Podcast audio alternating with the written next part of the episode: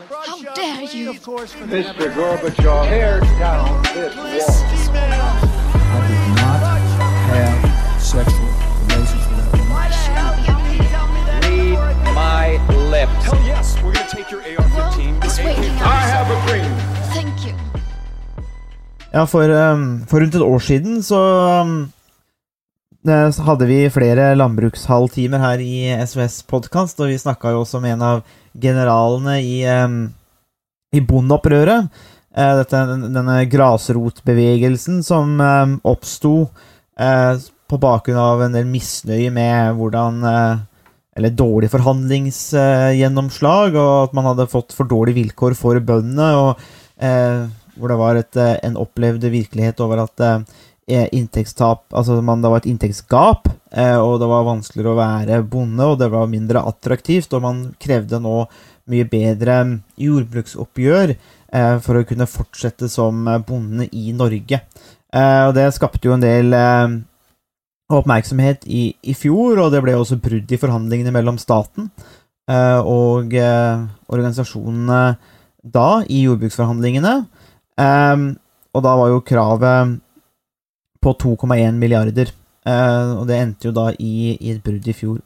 Ehm, I eh, denne uken så la Norges Bondelags leder og lederen i Norsk eh, Bonde- og Småbrukarlag, henholdsvis Bjørn Grimming og Kjersti Hoff, et nytt krav til staten, og nå krever de 11,5 milliarder kroner. Og hvis det ble brudd på, på 2,1 milliarder, så er jo spørsmålet hva, hva skjer når kravet er på 11,5 milliarder eh, kroner. Eh, forskjellen, eh, kanskje, jokeren i år, er jo krigen i Ukraina.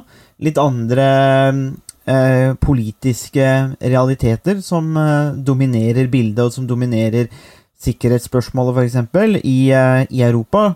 Eh, slik at nå er det jo Nå blir jo matvaresikkerhet mye mer en, et mye mer konkret spørsmål enn et mer sånn abstrakt spørsmål om matvaresikkerhet. Nå kan man jo faktisk snakke om det i kanskje i mer konkrete termer òg. Altså hva skjer når du har en, eh, en eh, ja, egentlig en diktator i et land som bestemmer seg for å invadere et annet land, eh, og dermed sette i, i, i stand, eller sette i verk disse kjedereaksjonene, slik at matvaresikkerhet og mer overordna sikkerhetsspørsmål henger jo nå på en måte mye mer sammen, kanskje, eller det har blitt mer konkretisert enn det har blitt på, på svært lenge. Men eh, vi kan jo starte med dette mer spesifikke norske landbruksoppgjøret eh, først. Harald, du er jo, du er jo forhenværende eh, bonde, eh, og har jo en del eh, tanker om, eh, om, eh, om, eh, om jordbruksoppgjøret eh, med mer. Men hvis vi starter først bare med dette kravet, hva, hva, tenker, du om, eh, hva tenker du om kravet til, eh, til bøndene? Ja, kravet er historisk høyt, eh, og 11,5 milliard er eh, på mange måter helt urealistisk. Men samtidig så står vi i en litt spesiell eh, situasjon. Det er en eh, landbruksminister fra Senterpartiet. eh, og Senterpartiet har gått eh, sterkt ut, eh, både i opposisjon og i regjering, om at de ønsker å eh, forbedre lønnsomheten i landbruket. Så problemet her er at eh, landbruksministeren eller Senterpartiet har lovt veldig mye. Eh, og eh, det vil være en stor skuffelse for mange i Senterpartiet dersom man ikke klarer å løfte eh, lønnsomheten i, eh, i næringa når de nå endelig er i eh, regjeringen. Samtidig så har Norge kommet ut av en pandemi hvor man har brukt mye penger. Eh, og eh, vi står nå i, eh, også overfor en energikrise med høye energipriser, og kostnadene øker generelt i samfunnet, altså inflasjonen er høy. Og spørsmålet er jo da hvordan staten skal prioritere i en sånn situasjon hvor også kostnadene både til staten, men også til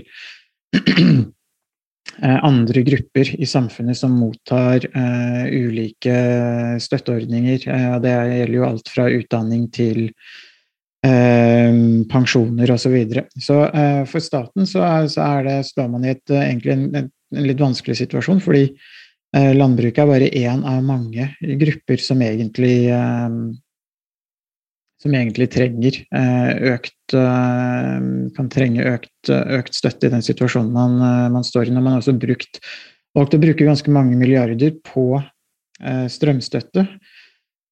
Og det er jo egentlig spørsmålet om, om, virkelig, om, det virkelig er mulig å få gjennomslag for kravene til, til landbruket. Jeg tror hvis jeg skal tippe litt, så vil jeg kanskje vil jeg kanskje eh, tro at man får et historisk høyt tilbud fra staten og et, eh, historisk, eh, en historisk god jordbruksavtale. Eh, men 11,5 milliard eh, virker eh, svært høyt og, og veldig urealistisk sånn ved første øyekast. Det vil i praksis bety at eh, pga. den økonomiske situasjonen som vi står overfor nå, så må man nedprioritere andre grupper. Og virkeligheten er jo den at eh, landbruket er en liten næring tallmessig. Det er en liten, relativt liten gruppe som det er lettere å nedprioritere enn andre større velgergrupper. Og det er noen av de Eh, noen av de tankene som, eh, som dagens regjering også må, må forholde seg til. Så, så, det gjør at jeg er, jeg er, nok ikke veldig optimistisk når det gjelder uh, å løfte landbruket sin økonomi.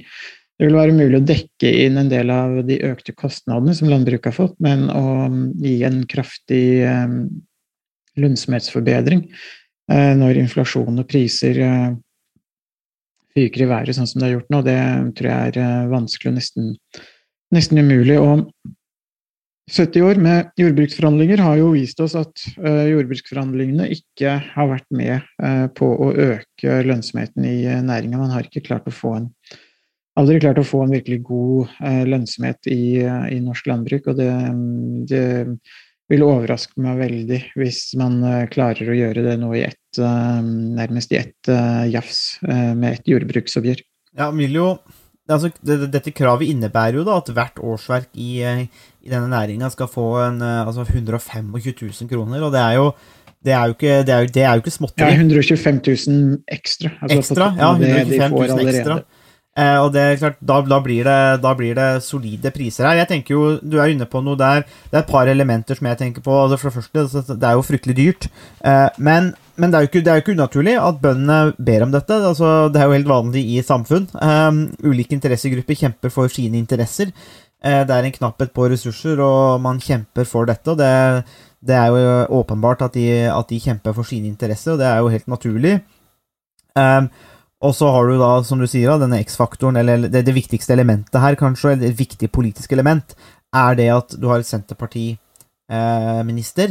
Eh, og dette er jo på en måte kjernesaken. Og hvis, hvis ikke Senterpartiet klarer å levere på jordbruksoppgjøret i en akseptabel grad, så er jo det et kjempesmell for baugen altså, for, for partiet Senterpartiet, hvis ikke de kan ses på som kredible når det kommer til jordbruk, altså det som er kjerneoppgaven deres, eller kjernesaken, så er det jo vanskelig å se hvordan Senterpartiet skal opprettholde sin kredibilitet. Eh, så fordi eh, man, man, har jo i Senterpartiet ofra mye på dette ja, egentlig, altså denne eh, eh, regionreformene og, og oppløsning av Viken på en og, og Viken som måtte Ja, det gikk jo prestisje i. Altså, elendig politisk prosjekt, vi har vært gjennom det mange ganger. Eh, men Senterpartiet Eh, har jo pressa gjennom en oppløsning i en dårlig politisk sak. Velgerne bryr seg ikke. Man ser det. Eh, vi kan se det på til og med en liten sånn der mikrokosmos, Harald. Ser det på lyttertallene på våre podkaster òg. At Viken-podkastene har generelt mindre interesse enn andre temaer. Og vi snakker jo vi er jo ikke nødvendigvis veldig opptatt av å være current, eh, eller lage ting så tabloid som det overhodet kan, og lage clickbait. Jo, vi, driver jo motsatt ende, kan du si, eh, av den bransjen. Eh, men likevel så ser man at Viken er det lite interesse for. og Senterpartiet har lagt, latt det gå mye politisk prestisje i Viken, som er en dårlig sak. Og da har du ikke råd til å tape jordbruksoppgjøret, som på en måte er det viktigste saken du har, tenker jeg. Så de må, de må, jo levere noe. Eh, og i dette kravet, da, så krever jo nå i, i jordbruksoppgjøret for 2022, så krever jo bøndene 2,8 milliarder utbetalt så fort som mulig pga. skyhøye priser på gjødsel og drivstoff. Jeg tenker jo at det, det, er jo ganske konkret og mulig å gjennomføre tenker jeg Du ser det er ganske bred politisk enighet om at dette må dekkes. Eh, og jeg tror de aller fleste har forståelse for at det må dekkes òg, for at det er disse ekstraordinære kostnadene. Så jeg tenker jo at bare det å få innfridd eh, 2,8 milliarder, eh, det virker jo egentlig ganske rimelig og ganske innafor, tror jeg, i dette forhandlingsrommet. Og, da vil det være et historisk eh, landbruksoppgjør, bare, eller jordbruksoppgjør, bare der. Eh, og så spørs det hva man gjør deretter, da. Ikke sant? Altså, de krever da 9 milliarder i 2023. Eh, det er jo der er, er jo spørsmålet. Men hva, hva, tenker du om akkurat de umiddelbare kostnadene? For jeg er ikke bonde, mens de ikke er leser det, så tenker jeg at eh, Og jeg ser hva de andre politiske partiene uttaler, så virker det som at det i hvert fall kanskje er politisk vilje til å dekke eh, disse, disse, ekstraordinære kostnadene, eh, som da utgjør i hvert fall 2,8 milliarder. Ja, Um, det som er spesielt med landbruk i Norge, er at mange av prisene er bestemt av staten og gjennom jordbruksforhandlingene. Så det, det, innebærer at man bestemmer et, et, visst prisnivå på korn eller melk eller hva det måtte være.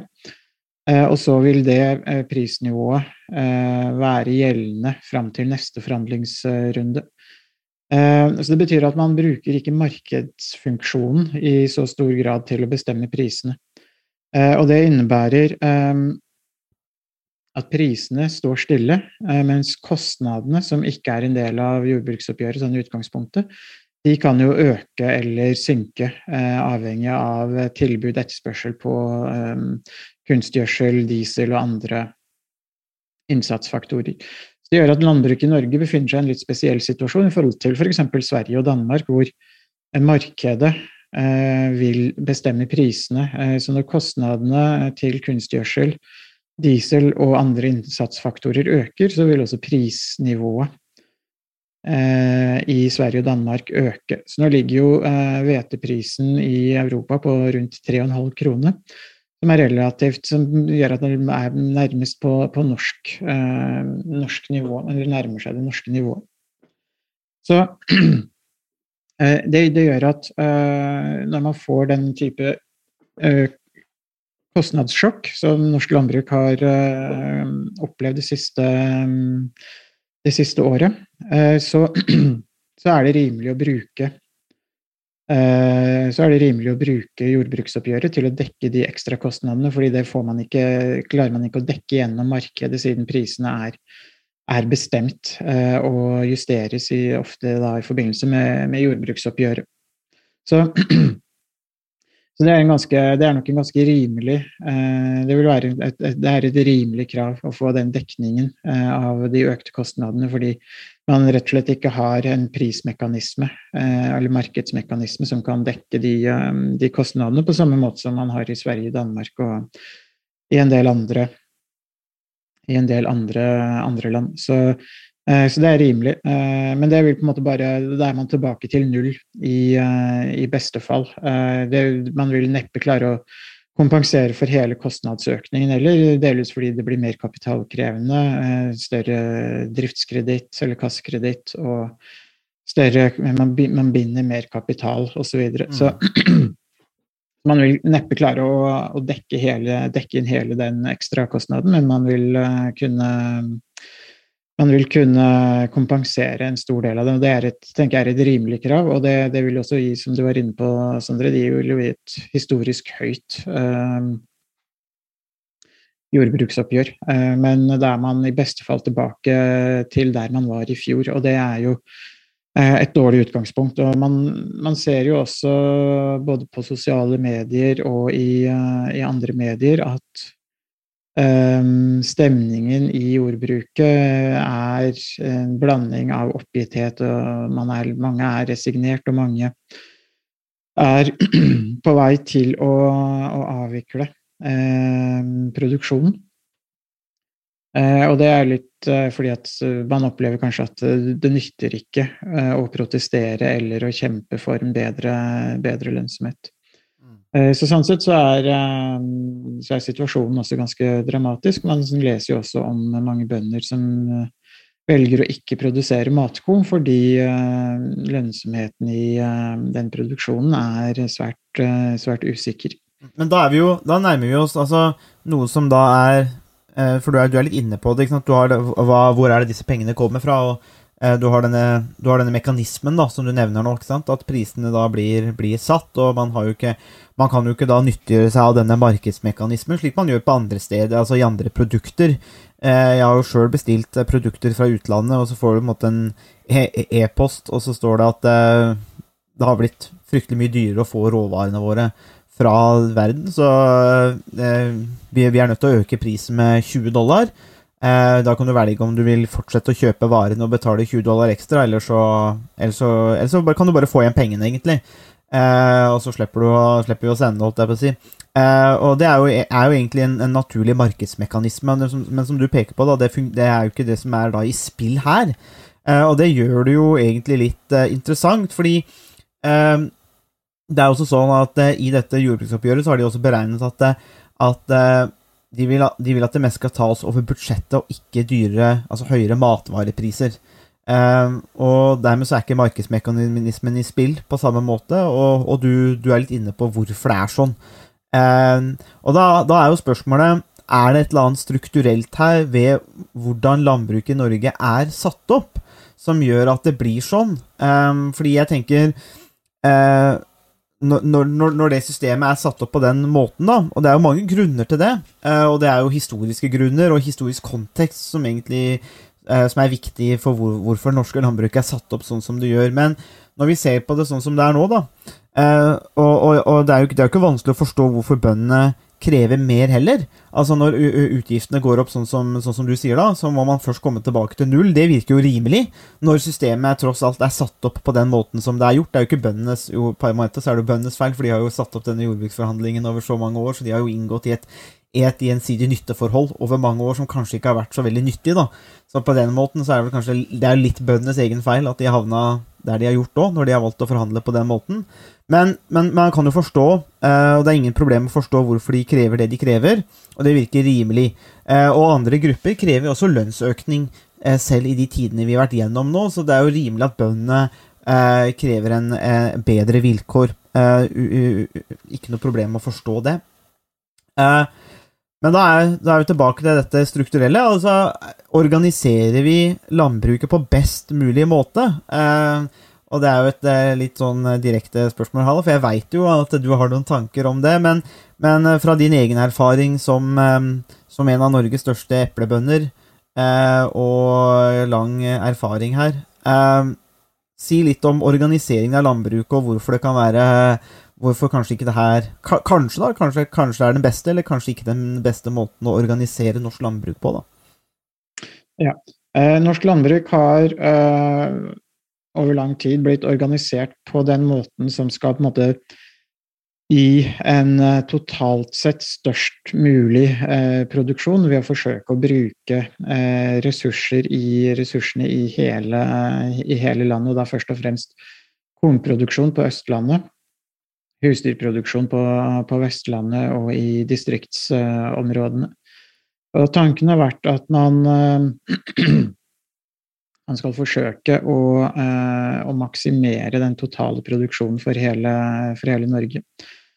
Um, og da har man brukt et veldig detaljert tilskuddsregime, delt landet inn i ulike regioner som får ulike tilskudd for ulike produksjoner. Eh, så det har også betydd at man, eh, man har konsentrert en ganske stor del av eh, landbruket i mange av de områdene som er minst produktive.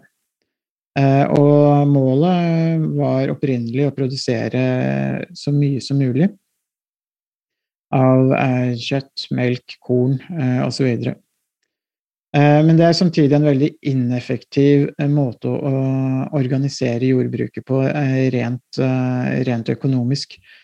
Fordi det gir veldig store transportkostnader når man skal transportere korn fra Østlandet til andre deler av landet, og så frakte kjøtt, melk og andre produkter tilbake til, til Østlandet, hvor produktene da blir, eh, blir, eh, blir solgt. Um, og det har også gjort at man har forsøkt å ha en, eh, en struktur på landbruket med mange små enheter, noe som også er økonomisk ineffektivt. Og på toppen av det så har man en lang rekke reguleringer av hvor mange dyr man kan ha av en bestemt produksjon, og hvor mange produksjoner man kan ha innenfor ulike ulike deler av landbruket. Så det er konsesjonsgrenser eh, som setter begrensninger på hvor mange griser man kan ha eh, per gårdsbruk, eh, hvor mange kyllinger man kan ha, hvor mange liter melk man kan produsere osv. Så, summen av det systemet eh, har skapt eh, et, eh, et, landbruk som har høye kostnader.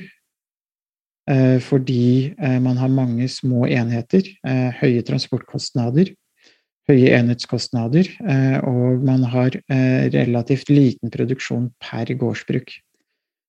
Ehm, så alle disse eh, begrensningene er med på å svekke Eller å øke kostnadene og dermed svekke,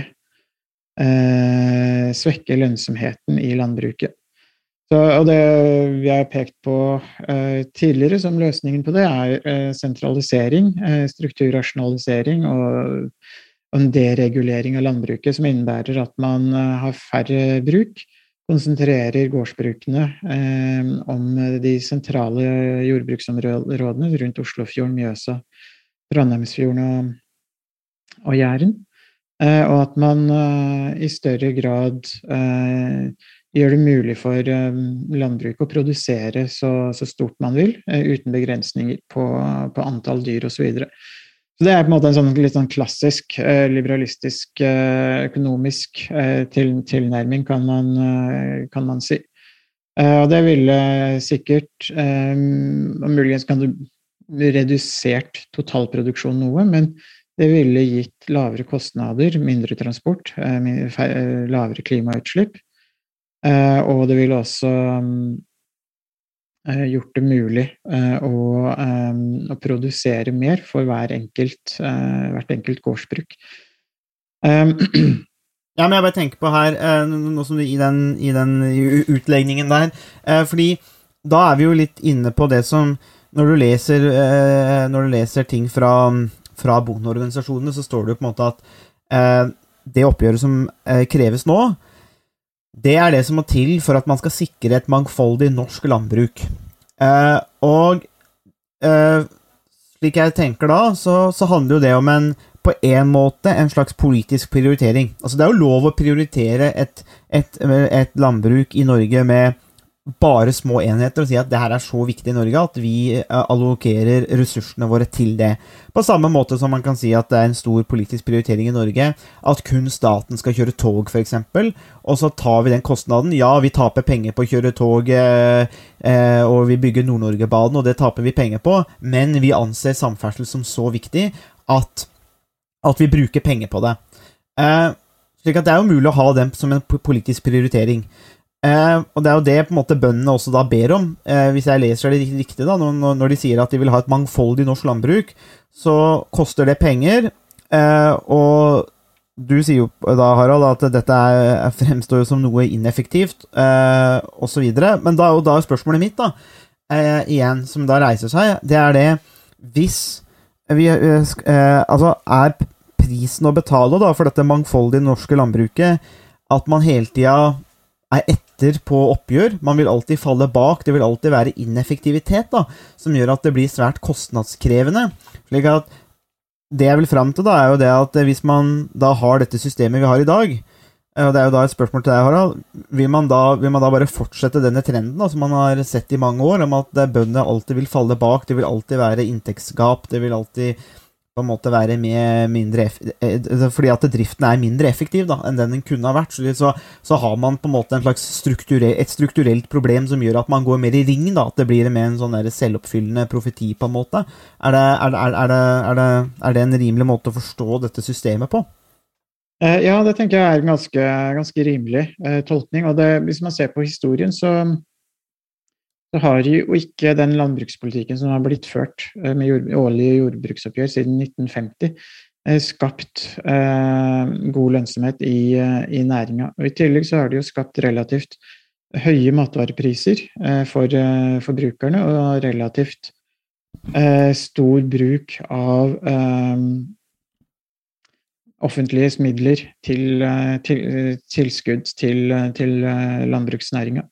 Så eh, prisen sånn sett så har, har jo vært relativt høy, og det, det, det er noe man som samfunn kan prioritere. Eh, Ethvert samfunn har ulike prioriteringer eh, som, eh, som de mener er, er viktig, og det er jo et helt sentralt element av det å være et åpent og fritt samfunn og demokratisk Mm. samfunn, at man kan gjøre de prioriteringene man, eh, man ønsker. Og, og for Norge så jo det, har jo det vært et helt legitimt uh, mål uh, å opprettholde bosetting og et distriktslandbruk. Og det, det kan, kan man tenke er helt, helt legitimt. Uh, og, men det som er på en måte vært min erfaring både som bonde tidligere, og er jo også det at i praksis så har, det- vært vanskelig å skape en lønnsomhet som har vært tilfredsstillende. Eh, og det gjelder jo eh, ganske jevnt over de fleste produksjonene i, eh,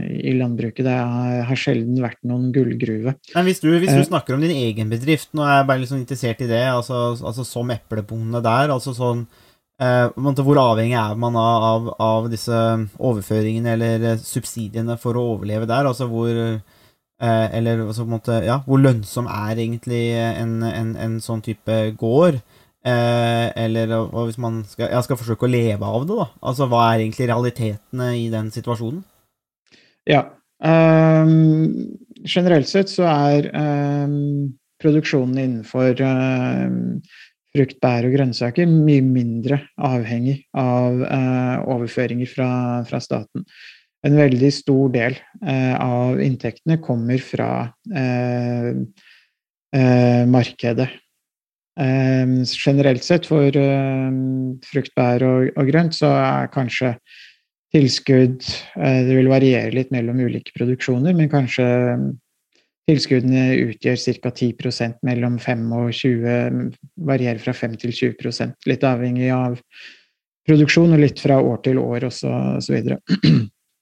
Um, så um, uh, så for fruktproduksjon så utgjør det en relativt liten uh, en, en relativt uh, liten andel i forhold til kanskje melk eller eh, andre, andre produksjoner.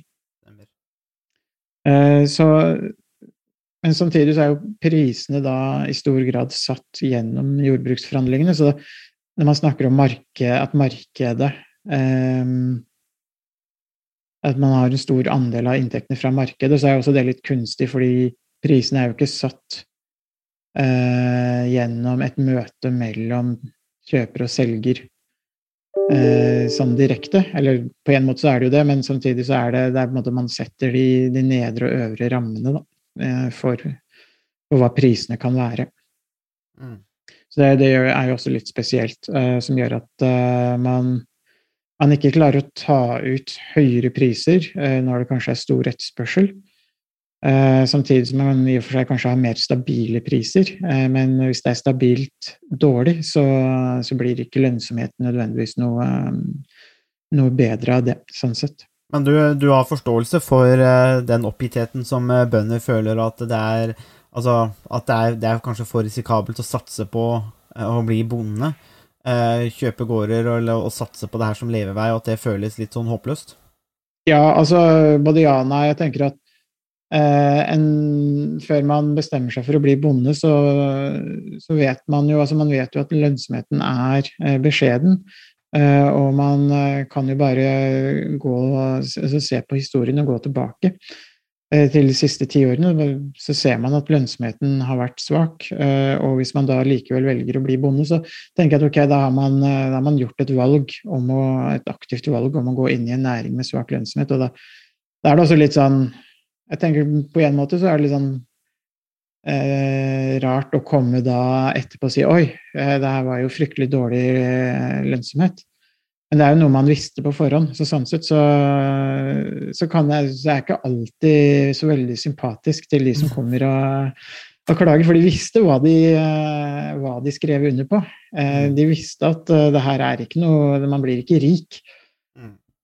Men, Eh, og så sånn sett så, så har jeg ikke så veldig stor sympati på én måte, sånn rent personlig, men samtidig, altså jeg, jeg vet veldig godt hvordan det føles å sitte der mm, eh, med skjegg i postkassa, som det heter. Eh, så, så sånn sett så, så er det en, eh, en følelse som er Som jeg også har sympati med, fordi det, når man sitter der, så er det så kan det oppleves som ganske, ganske krevende. Så, så jeg har litt sånn blanda Personlig så har jeg nok litt sånn blanda følelser når det gjelder akkurat det med Akkurat det med, med hvor stor forståelse jeg har for de som eh, eh, klager eh, over dårlig lønnsomhet. Det, det burde ikke komme som en overraskelse på noen.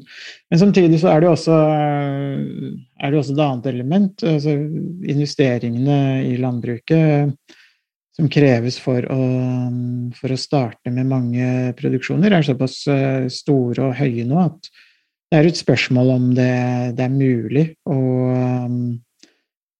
for et eh, familiebruk, og for en småbarnsfamilie, eh, å, ta de store investeringene. For i mange situasjoner så er det, er det fra, må man investere fra 10 millioner og, og oppover mm, for å få et eh, fullverdig driftsapparat og oppgradere eller bygge nye driftsbygninger, eh, kjøpe maskiner, redskap osv. Uh, bare traktor og en tresker eh, er jo fort eh, tre, tre millioner.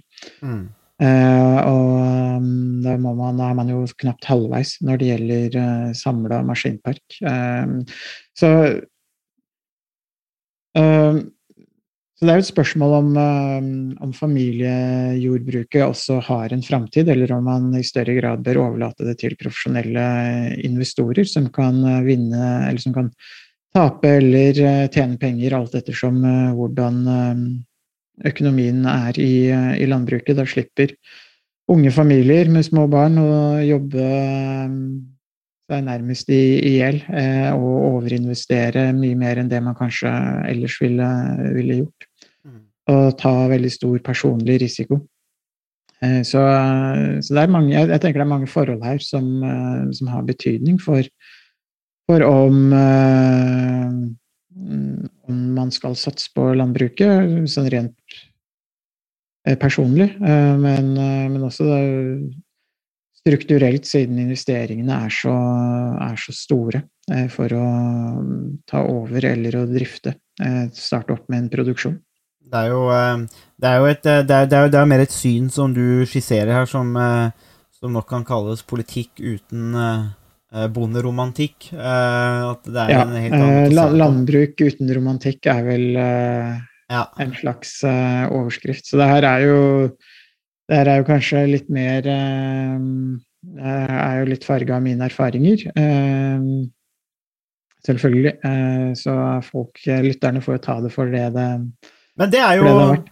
Ja, men, men altså, det er, jo, det er jo sånn det er i politikk og andre typer ting. Altså disse, hva skal jeg si, disse verdistandpunktene, eller standpunktene man kommer fra, det bærer man jo inn i alle analyser. Eh, det er vanskelig å skulle være eh, 100 objektiv og altså, eller, eller nøytral, da, for man er, blir jo forma av disse erfaringene. Og det er jo det som også kanskje gjør det mer unikt, for jeg er jo, jeg er jo da så vi kommer da sant, fra forskjellig bakgrunn der. Altså, for det er jo klart, du må jo Det er jo forskjell på det å ha mye eh, kunnskap og kjennskap til et yrke, og, og, og jordbruket er jo et, en av disse områdene, og det kan jo virke veldig lett og greit, og sånn, og så begynner man å gå inn i detaljene ikke sant? Når, når, når du ser på det, og du ser kostnadene som, som du opplevde da, eh, som bonde, og du ser egentlig hvor enorme kostnader det er, og så skal noen ta over et bruk, og så ser man hvor enorme kostnader det er, og hvordan man blir veldig sårbar da, eh, som familie eksempel, hvis man tar over et bruk, men så og så ser man da at ok, men hvordan er det man da kan håndtere det her, eller hvordan er det man vil håndtere det i Norge? Jo, det er da gjennom et jordbruksoppgjør, altså overføringer fra staten. Eh, og det er greit, men problemet er at man kommer i konflikt med andre grupper. Eh, man kommer inn i et spill hvor det er knapphet på ressurser, altså selv i, selv i Norge, med fryktelig mye penger. Det er knapphet på ressurser, og og, og det som er veldig kjipt, er at det blir dyrere og dyrere, og vi må begynne å spare mer og mer. Eller vi, har, vi må få kutte, da. Eh, For vi kan ikke bedrive det offentlige forbruket som vi har gjort. Eh, rett og slett fordi at da går Norge konk. Eh, og det er bedre å kutte i noen tjenester og goder og unngå å gå konk, og i hvert fall holde på basistjenester, enn å skulle spare seg til fant. da. Um, og det er jo, dermed så blir jo på en måte, kommer jo bøndene i en litt sårbar situasjon òg, for som du sier, så er de, de blir færre og færre, og de har mindre eller dårligere, dårligere og dårligere forhandlingskraft. Um, I et samfunn hvor du skal kjempe med andre grupper som kanskje har mer forhandlingskraft. Og da, da er vi inne i det politiske spillet som, du, som, som man havner i. og de, disse gode gamle konfliktlinjene fra Rokkan kommer fram igjen, og dette er jo fra varemarkedet. Og nå får vi på en måte se hvor mye det er, på en måte er verdt da, i, i, i samfunnet. Og det, det, det, blir spennende å se, men, men, det som i hvert fall slår meg, er jo det at eh, kan, kan, man kan jo ha så mye sympati som overhodet mulig for bøndene, og, og, jeg tenker jo at det er en verdi i dette Altså, i utgangspunktet, verdi i dette mangfoldige landbruket. Men, men så ser man jo da hvordan dette, hvordan dette kommer da, år for år med disse jordbruksoppgjørene og store statlige overføringer, så tenker man men er det levedyktig? Altså Er dette, er dette en, en, måte å strukturere ting på som faktisk er bærekraftig? Nå som det er veldig populært å snakke om, så er spørsmålet er dette jordbruksoppgjøret og denne måten å organisere landbruk på, er det bærekraftig? Uh, og jeg tenker ikke at svaret er opplagt ja, uh, når, jeg, når, når, man ser på det. Altså det er uh, er, eh, jeg veit jo ikke om det, om det står klare alternativer på plass, men Harald, du har jo noen sånn oppfatning om hvordan du tenker det kan gjøres, og jeg har ikke skal jeg bare innrømme at jeg har ikke nok kunnskap og kjennskap til disse systemene til å si at ok, sånn burde vi gjøre det, men, men fra, hva, fra, hva, jeg kan I hvert fall min oppfatning da, de siste årene, er at eh, jeg sliter kanskje mer Jeg sliter mer og mer år for år å se at dette er den beste måten å strukturere det på, fordi at man stadig vil komme tilbake til de samme problemene, de samme utfordringene og de samme dilemmaene og de samme konfliktene uten å komme videre. Og da er spørsmålet er, ok, eh, må vi begynne å se ting litt annerledes, da? Ja, altså, jeg tenker det er veldig gode, gode observasjoner. og det er jo litt sånn man har støtt på de samme utfordringene i 70 år, eh, og da er det, er det et spørsmål om hvor lenge man skal fortsette eh, å å gå i den samme retningen. Eh, og det, det, det, det, tenker jeg er eh, et litt sånn prinsipielt viktig spørsmål som både jordbruket og eh, resten av samfunnet må, eh, må vurdere. Eh, og i tillegg så altså Det er jo ikke sånn at de løsningene jeg skisserer, er uproblematiske eller ikke har noen ulemper eller svakheter. Og i både virkelighetens verden så, så vil enhver Eh, politisk endring og enhver eh, ethvert tiltak har noen ulemper. Eh, og, og, det tenker jeg man bare må være, være åpen om. Det systemet man har i dag, er dyrt. Det har høye kostnader og gitt svak økonomi. Den retningen jeg skisserer, vil jo gi stor grad av sentralisering, større enheter.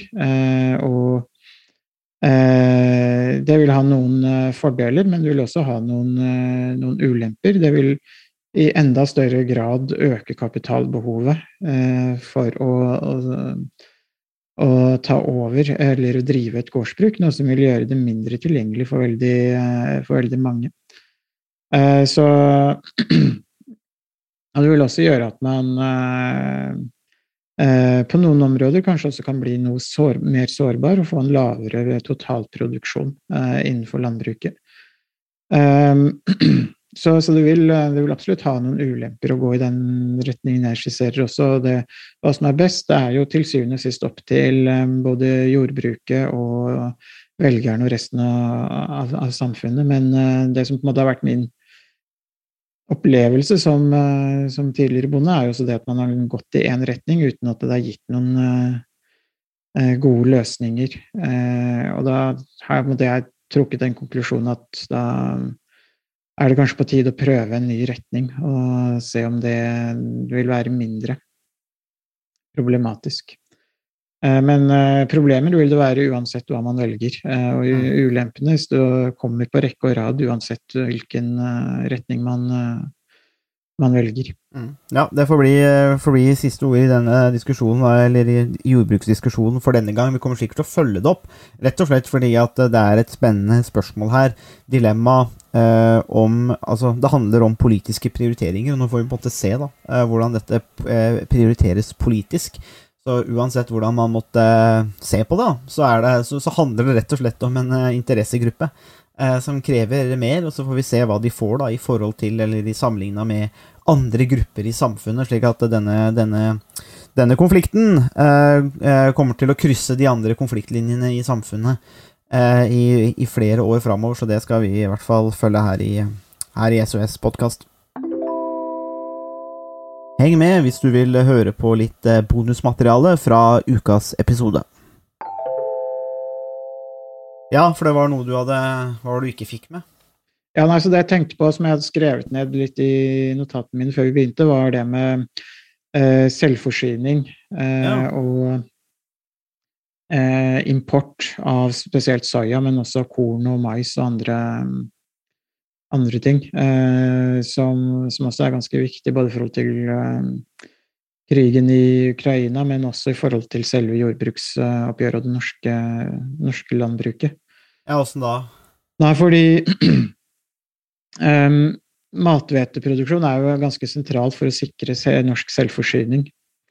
Uh, og den har jo vært under press, uh, spesielt det siste året, fordi lønnsomheten har vært ganske, um, ganske pressa. Det er en del ekstra kostnader uh, forbundet med å produsere mathvete. og hvis man ikke Eh, får kompensasjon for ekstra gjødsling og sprøytinger og, og sånne ting, eh, så, um, så, vil jo ikke produsentene ta den risikoen og ekstra, de ekstra kostnadene. Så, så, er det også, I Norge så er, også, er, man også ganske væravhengig av om det blir matkvalitet eller fòrkvalitet på, på, en del av, um, av hveten. Mm. Um, og hvete er jo noe som, som, brukes i veldig mange eh, En veldig stor del av norsk eh, eh, norsk eh, kosthold også. Mm. Og så er det jo det med veldig mange husdyrproduksjoner er avhengig av eh, soya, som blir importert, importert fra Brasil. Som kommer til eh, Som blir kommer til kaia i Fredrikstad. Og distribuert videre. Mm.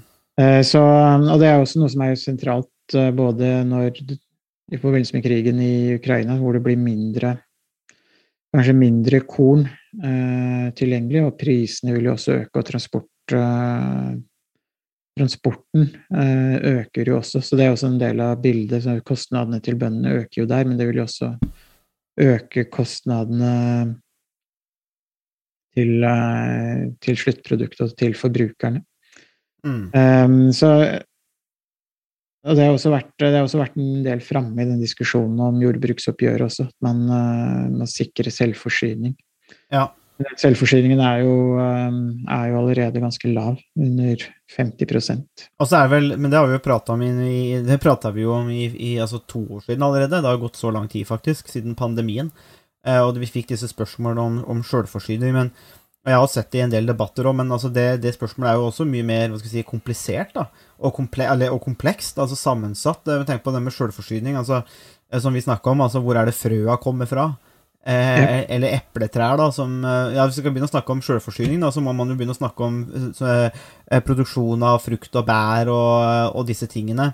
Eh, og eventuelt kanskje sukker. eller i hvert fall kilde til sukker. og Alt dette kommer jo fra utlandet, og det er jo vanskelig å se for seg at vi plutselig skulle gjøre om på det. Eh, slik at den der, Det er jo en sånn Sjølforsyning handler jo mer om, eh, om, nødlager for korn, da. Eh, Sjøl om det for så vidt det er viktig, da, så, så, så, så, har man jo allerede den der, hva skal vi si, internasjonale gjensidige avhengigheten. Eller Norge er i hvert fall veldig avhengig av det. da. Så det er jo det er mye mer sammensatt enn som så. da.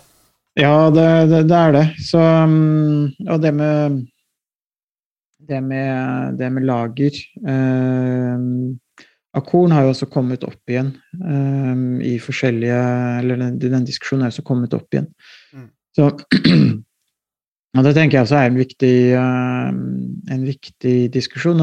Eh, jeg var jo i Finland i, eh, tidligere i, i april, og, og, der har de jo en, en veldig mye mer sånn aktiv krisehåndtering enn det vi har i, Ja. i Norge. Der har de i større grad lager både av korn og andre produkter. Altså selvforsyning av korn er på en måte én ting, men man må også ha eh, lager av både kunstgjødsel og en del andre innsatsfaktorer eh, for at man skal kunne produsere eller transportere eh, den, eh, det kornet som man skal være selvforsynt med. Eh, og I Finland så har man jo eh, Det kunne jo egentlig vært en egen podkast, hvordan Finland sin krisehåndtering har.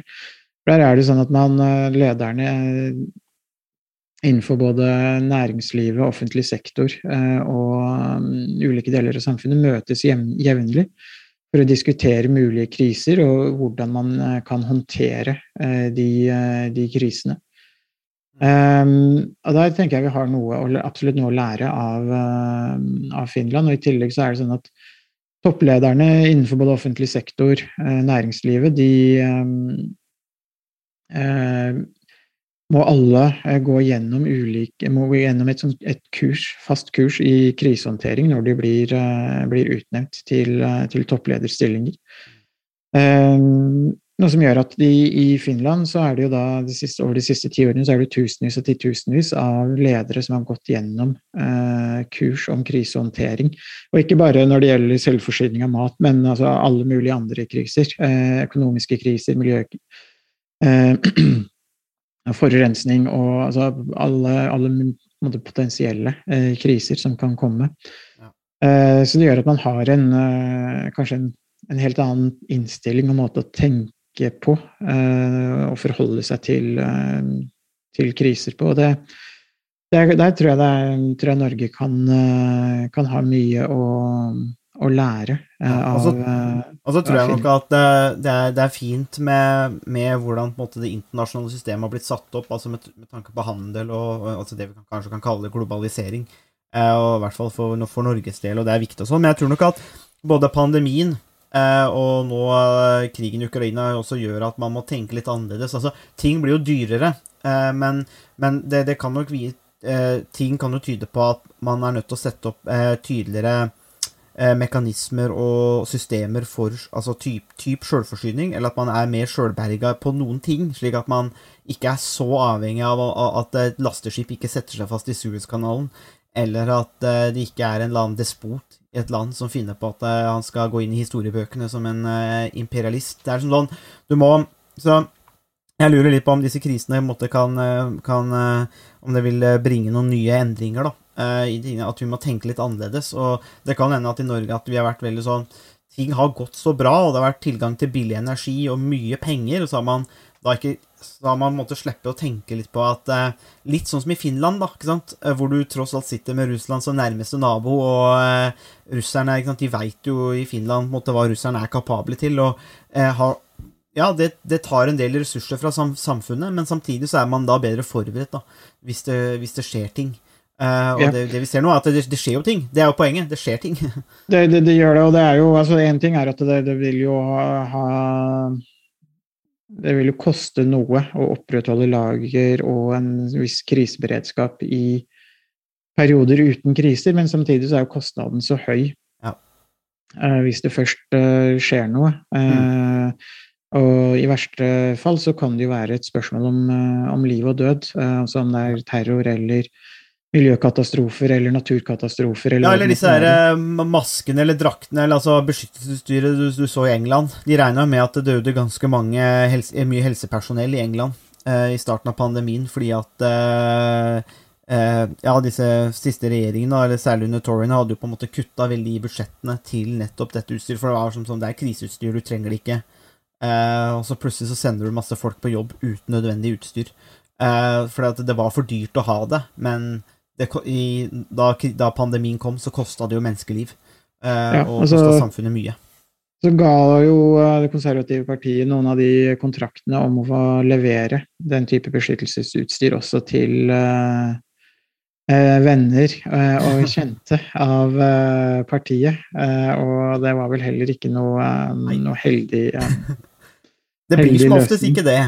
Når det, når det, er, det, er vel kanskje det Putin har funnet ut i Ukraina òg, at det, det kan hende at det er noen som har tatt seg noen friheter med kontrakter og gjennomføring av kontrakter og produksjon når det kommer til, til deler av militærutstyr og biler og, og eh, militærtransportutstyr. da. Eh, Så der, eh, korrupsjonen går liksom eh, jevnt over. Men Ja, The, The Economist eh, de, de stiller vel spørsmålet denne uka her om hvor råttent er det russiske Ja. forsvaret. Ja. Og det er vel egentlig ganske treffende. det er, vel- det er vel Eh, egentlig gjennområtten, tror jeg. Du, du Ja. jeg, jeg tror du trår gjennom hvis du legger litt vekt på det. Ja. Det er sånn dårlig Det er litt, det er litt Eh. som i huset som, eh, som, eh, som vi kjøpte her. Eller som jeg har kjøpt her på, på Nesbyen. Det skal jo rives, det huset, men det gulvet svikter jo eh, når du går på det. Så det sier jo noe om strukturen, og det er kanskje et slags bilde på, eh, på, på Russlands eh, militær òg, på en måte. Litt den der, det svikter litt i forføyningene der, at man plutselig går gjennom. Så man er litt sånn skeptisk. ja. Jeg leste også denne uka her om hvordan noen sånne hviterussiske hackere hadde klart å hacke seg inn på jernbanesystemet til Hviterussland, eh, og gjort, gjorde at eh, de togene som skulle transportere eh, forsyninger til de russiske styrkene, eh, stopp, altså toga bare rett og slett stoppa opp i flere dager eh, pga. signalfeil og en del andre ting. Og det også var noe av forklaringen på hvorfor de der lange kolonnene ble stående. ja, riktig. Eh, Det er jo litt interessant eh, hvordan eh, Russland er, har gjort seg helt avhengig av å transportere hele den krigsmaskinen på, Ja. på jernbane. Og hvis eh, toget stopper opp, så stopper hele, hele krigen opp eh, samtidig. Ja, De skulle nok ha privatisert. Eh, eller nei, ikke, ikke privatisert, det skulle ikke gjort, men delprivatisert. Ja, Eh, gjerne splittet opp i en syv-åtte ulike eh, selskaper. Måtte få, fått liksom de ulike operatørene og sånt, og, og fått, fått delt opp litt sånn god fragmentering der, så hadde det sikkert gått, gått meget bedre Og, å, å frakte der. Så Det hadde, det hadde vært så mange selskaper å hacke at du ikke hadde ja, nettopp. Det er kanskje, så det, er- det er egentlig det som er eh, logikken bak jernbanereformen i Norge.